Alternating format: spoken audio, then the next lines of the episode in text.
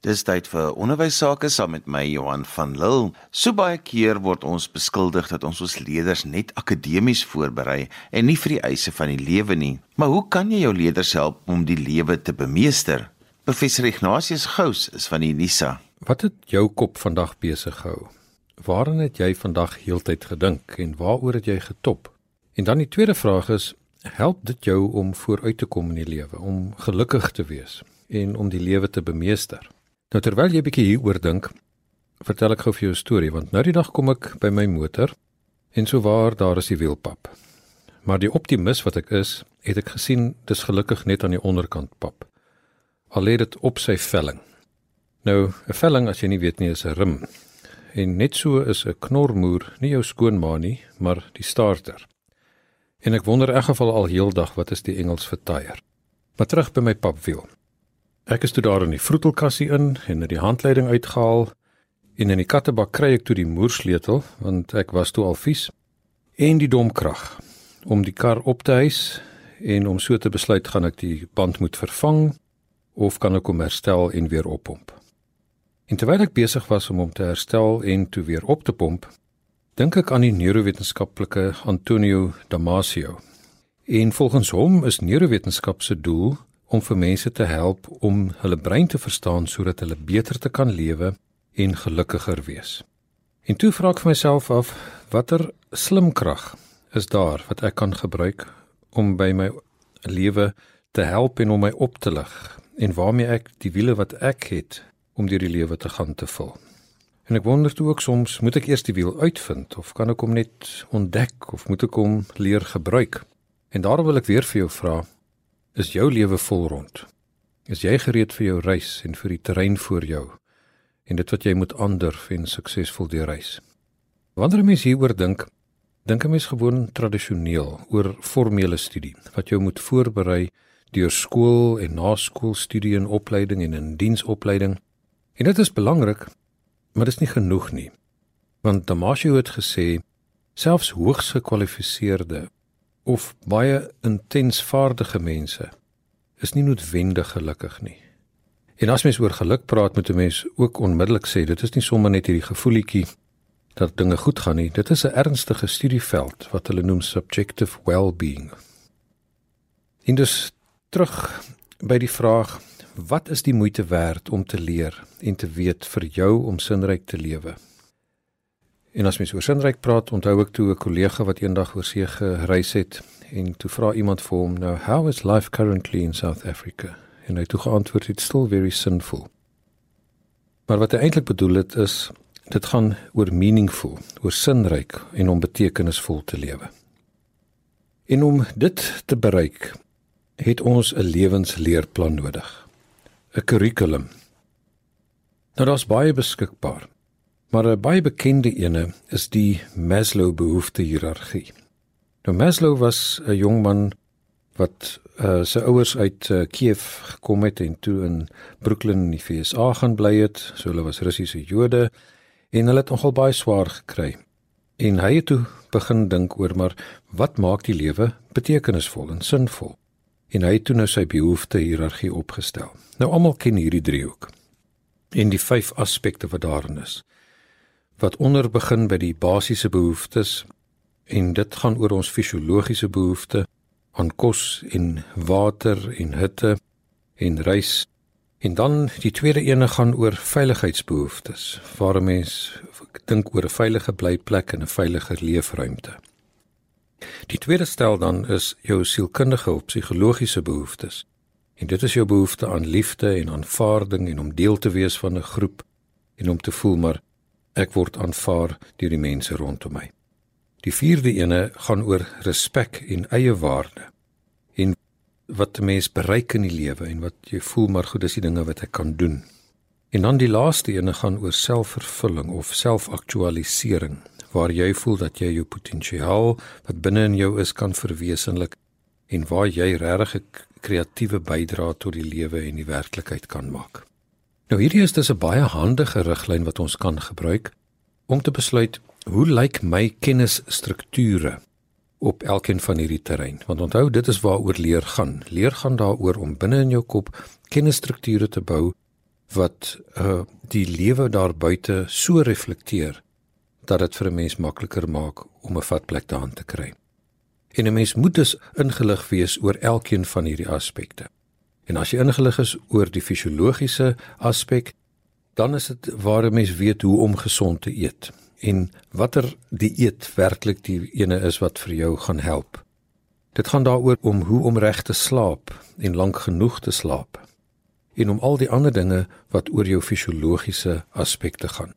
En as jy nie daaroor ingelig is nie, dan beteken dit jou wiel gaan nie pap en vol rond wees nie of die twee um, aspekte gaan heeltemal ander betekenis in jou lewe kry. 'n Verdere kennisstruktuur wat mens moet opbou is, weet jy hoe om self veilig te lewe en jouself te beveilig Met ander woorde, hoe kan, moet 'n mens wees om streetwise te wees, om te sorg dat jy aan die ander kant uitkom met die mins moontlike skade wat aan jou en aan jou omgewing en die mense naby jou aangerig is. Hoe ingelig is jy oor gesonde verhoudings? En hoeveel tyd spandeer jy aan goeie selfkennis en selfontwikkeling? Hoeveel konflik is daar in jou lewe en wat leer jy uit die konflik en wat behoort 'n mens meer te leer daaroor? Op die vierde vlak gaan dit oor eie waarde. Wanneer begin dit 'n ongesonde gejaag na erkenning word en wanneer is dit iets wat 'n mens voel maar ek wil ten minste net wanneer ek in die spieël kyk na iemand kyk wat iets bereik het. Hoeveel selfies neem jy en hoe gereeld tel jy die likes op jou sosiale media? Lê jy aan FOMO? En dan as mens by selfaktualisering kom, voel jy dat jy oorpresteer of onderpresteer of glad nie presteer nie? So Maslow se hiërargie is baie handig om vir ons te help om ons vrae terug om te kan diagnoseer waar die wielpap is en waar die gat in die wiel is wat die wielpap maak. Maar 'n mens moet ook daarom weet, 'n mens moet versigtig wees met die diagnostiese instrumente. Want op 'n tydstip kom 'n persoon by 'n dokter en sê ek het pyn en die dokter vra vir hom waar en hy begin sy vinger vat en hy sê as ek hier druk is dit seer en as ek daar druk is dit seer. En oral op my lyf waar ek druk is dit seer. En toe kon die dokter daarom vir hom sê: "Hoor jong, jou vinger is gebreek." So as 'n mens kyk na Maslow se behoefte-hiërargie, is dit baie interessant dat daar navorsing gedoen is wat sê mens moet ook maar krities hierna kyk. En sommige sê dit is 'n bietjie pop psychology en uh, dit is nie toetsbaar en bewysbaar nie. Maar die grootste ding wat hulle deesdae oor praat is dat hierdie hiërargie aangebied word as 'n piramide. This pyramid is probably the best known symbol from management textbooks and beyond. Just do a Google search on Maslow's pyramid. Today, this pyramid can be found everywhere.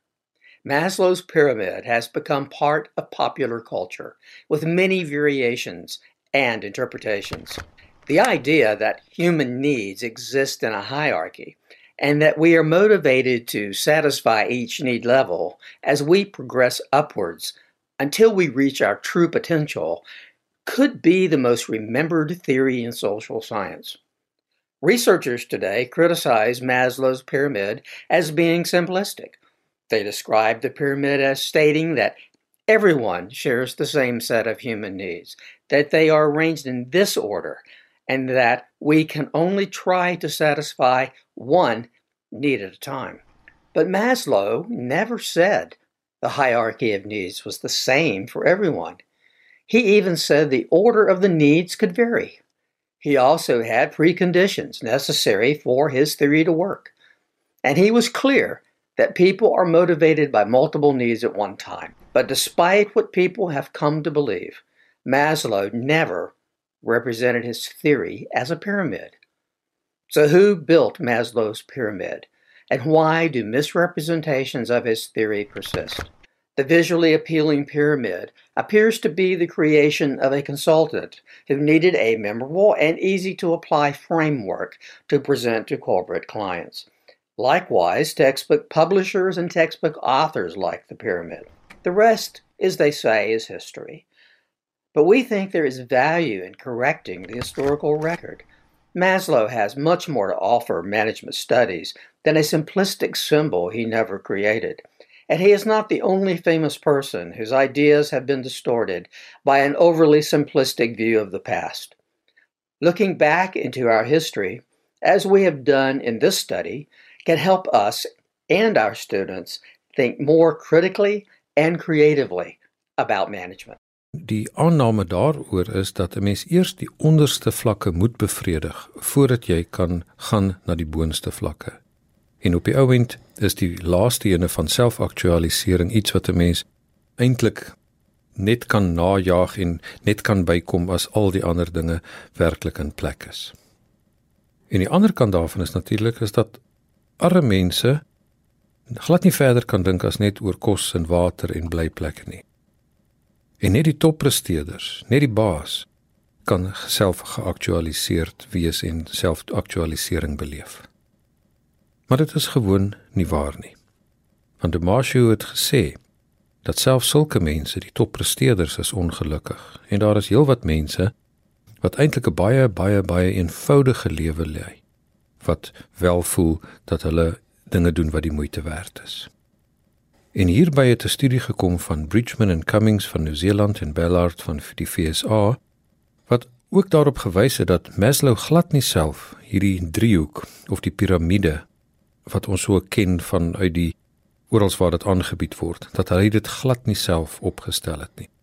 Nou Maslow se idees is baie gebruik deur van sy kollegas, eers deur Ene McGregor wat baie uh, boeke geskryf het en nie sê dat hy Maslow gebruik het nie, maar maar hom daarom net aanhaal in sy bibliografie.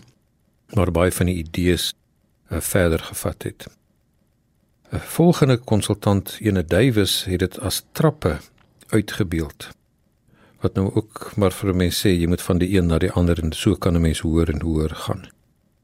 Maar die eintlike persoon wat die piramide uitgedink het was 'n McDermott in 1960.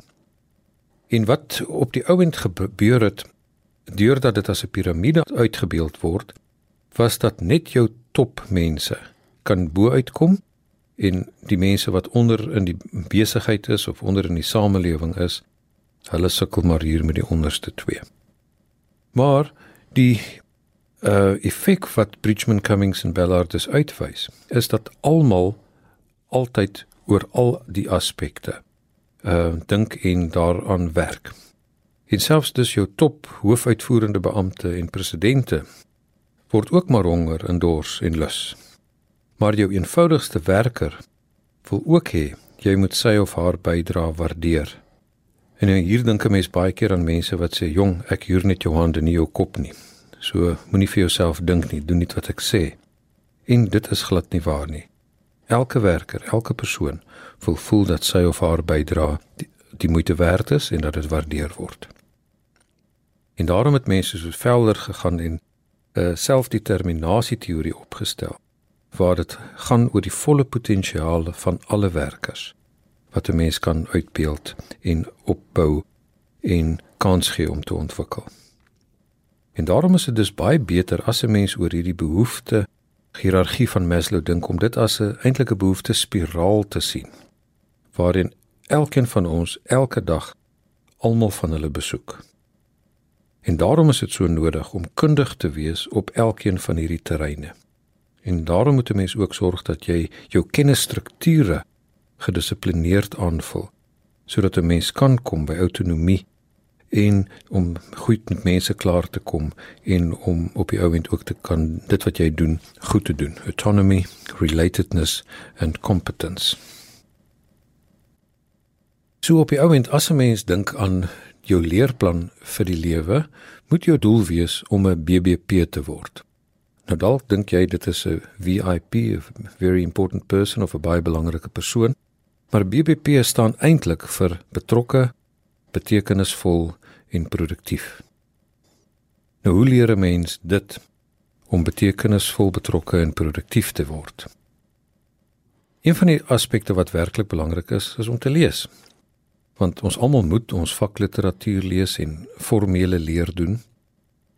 Maar wat ek nou 'n bietjie wil oorgesels is die geweldige waarde van fiksie en poësie. Want die belewenis wat ons vandag het, is dat kinders nie lees nie of dat wanneer hulle lees, hulle verkeerd lees. En die rede dink ek is omdat dit verkeerd aangebied word. Dit word aangebied as iets wat ek moet leer. Dit is 'n ding wat reg geïnterpreteer moet word. Terwyl die aanbeveling eintlik van my kant af is is dat 'n mens jou gedagtes moet vlerke gee wanneer 'n mens lees. Nou ons almal weet wat 'n vlugsimuleerder is. Want dit is die ding wat 'n mens hoop dat die persoon daarvoor in die vliegtyg ure en ure ingespandeer het om te sorg dat hy of sy elke moontlike ding wat kan gebeur met die vliegtyg voor die tyd uitgeprobeer het en uh, probeer hanteer dit op 'n manier wat nie lewens kos nie. En dan wanneer hulle dus vlieg, is hulle voorberei en wanneer hulle by moeilikhede kom, kan hulle eenvoudig amper net uitgeheue uit die dinge hanteer. 'n Boek aan die ander kant is amper so iets. Dit help jou gedagtes vlerke gee Maar 'n boek is dus 'n lewenssimuleerder. Want dit is hoe jy kan leer om die uitdagings van die lewe te hanteer deur die oë van ander. En hier kan 'n mens dus word soos 'n avatar waar jy vir jouself inleef in die karakters en die rolspelers wat in die boeke uh, na vir 'n mens voorgestel word. En dit het ook 'n neurologiese basis. Ons praat van ons het almal mirror neurons waar ons met ander woorde ander mense se uh dinge kan wat hulle beleef, kan sien, hulle emosies en dit eintlik binne in onsself ook voel. So die inleef van karakters en die rolspelers in 'n boek is 'n baie natuurlike proses wat ons in elk geval baie normalerwys gedoen in uh, elke dag. Ons moet dus beleef wat hulle beleef. Ons moet gaan kyk wat is die dinge wat hulle voorstaan, hoe hanteer hulle dit Wat is die effek as hulle dit op hierdie manier hanteer en nie op daardie manier nie? En so kan 'n mens deur moeilike dinge stap sonder dat jy noodwendig self die slagoffer word van iets wat daar binne gebeur het. Boeke kan 'n mens ook help om perspektief te kry. Want jy kan besluit ek gaan nie die hoofkarakter volg nie, maar ek gaan die teenkarakter of een van die kleiner karaktertjies volg. En dit op 'n manier sien maar hoe doen hulle dit? Sodat 'n mens verskillende lyne van die storielyn kan optel en kan volg. Dit alles beteken dus dat 'n mens moet aktief lees en dat 'n mens moet kan betrokke wees by dit wat in die boek gebeur. Dat jy probeer voorspel wat gaan gebeur verder aan om nie die laaste bladsy te lees nie, maar om te sê nou maar goed, ek dink dit en dit en dit gaan gebeur as hierdie persoon so en so optree. Maar 'n mens kan ook dan sê sien nou maar ek was in die situasie, hoe sou ek dit gedoen het of as ek nie saamstem met hoe hulle dit in die boek doen nie, hoe sou ek dit anders gedoen het? Met ander woorde om die storielyn te verander. Dit is nou weer uh, dieselfde as wat wat toe ons gepraat het oor lucid dreams wat baie helder drome is waar 'n mens kan betrokke raak by die storielyn en as jy nie van jou droom hou nie, dan verander jy die uh, uitkoms totdat dit inpas by dit wat jy doen. Om dus alles saam te vat.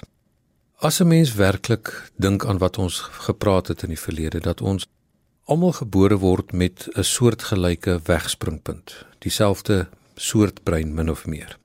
Maar daar is verskille as gevolg van die blootstelling wat ons gehad het.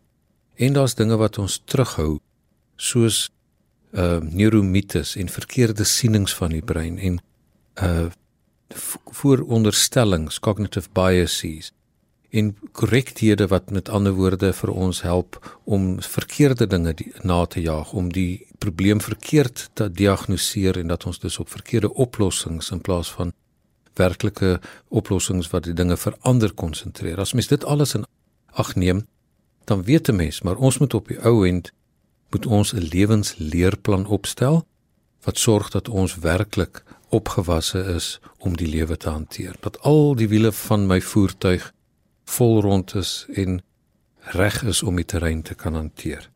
Dat my voertuigpad waardig is. En hierin help die aspekte waarin Maslow vir ons gesê het ons moet na kyk vir ons, maar ons weet ook dat elkeen van hulle elke dag die hele tyd deur ons lewe spiraal. So op die ou end kyk na jou wiele, maar veral neem daardie stuurwiel stewig in die hand en sorg dat jy kom waar jy wil wees. En so gesels professor Ignatius Gous van die NISA Vandag het ons gesels oor hoe berei ons ons kinders voor vir die eise van die lewe, maar meer spesifiek, hoe help ons die leerders om die lewe te bemeester? Onthou jy kan weer na vandag se program luister as 'n potgooi, laai dit af by resgep.co.za. Skryf gerus vir my 'n e-pos by Johan van Lille@gmail.com. Dan groet ek dan vir vandag tot volgende week van my Johan van Lille. Totsiens.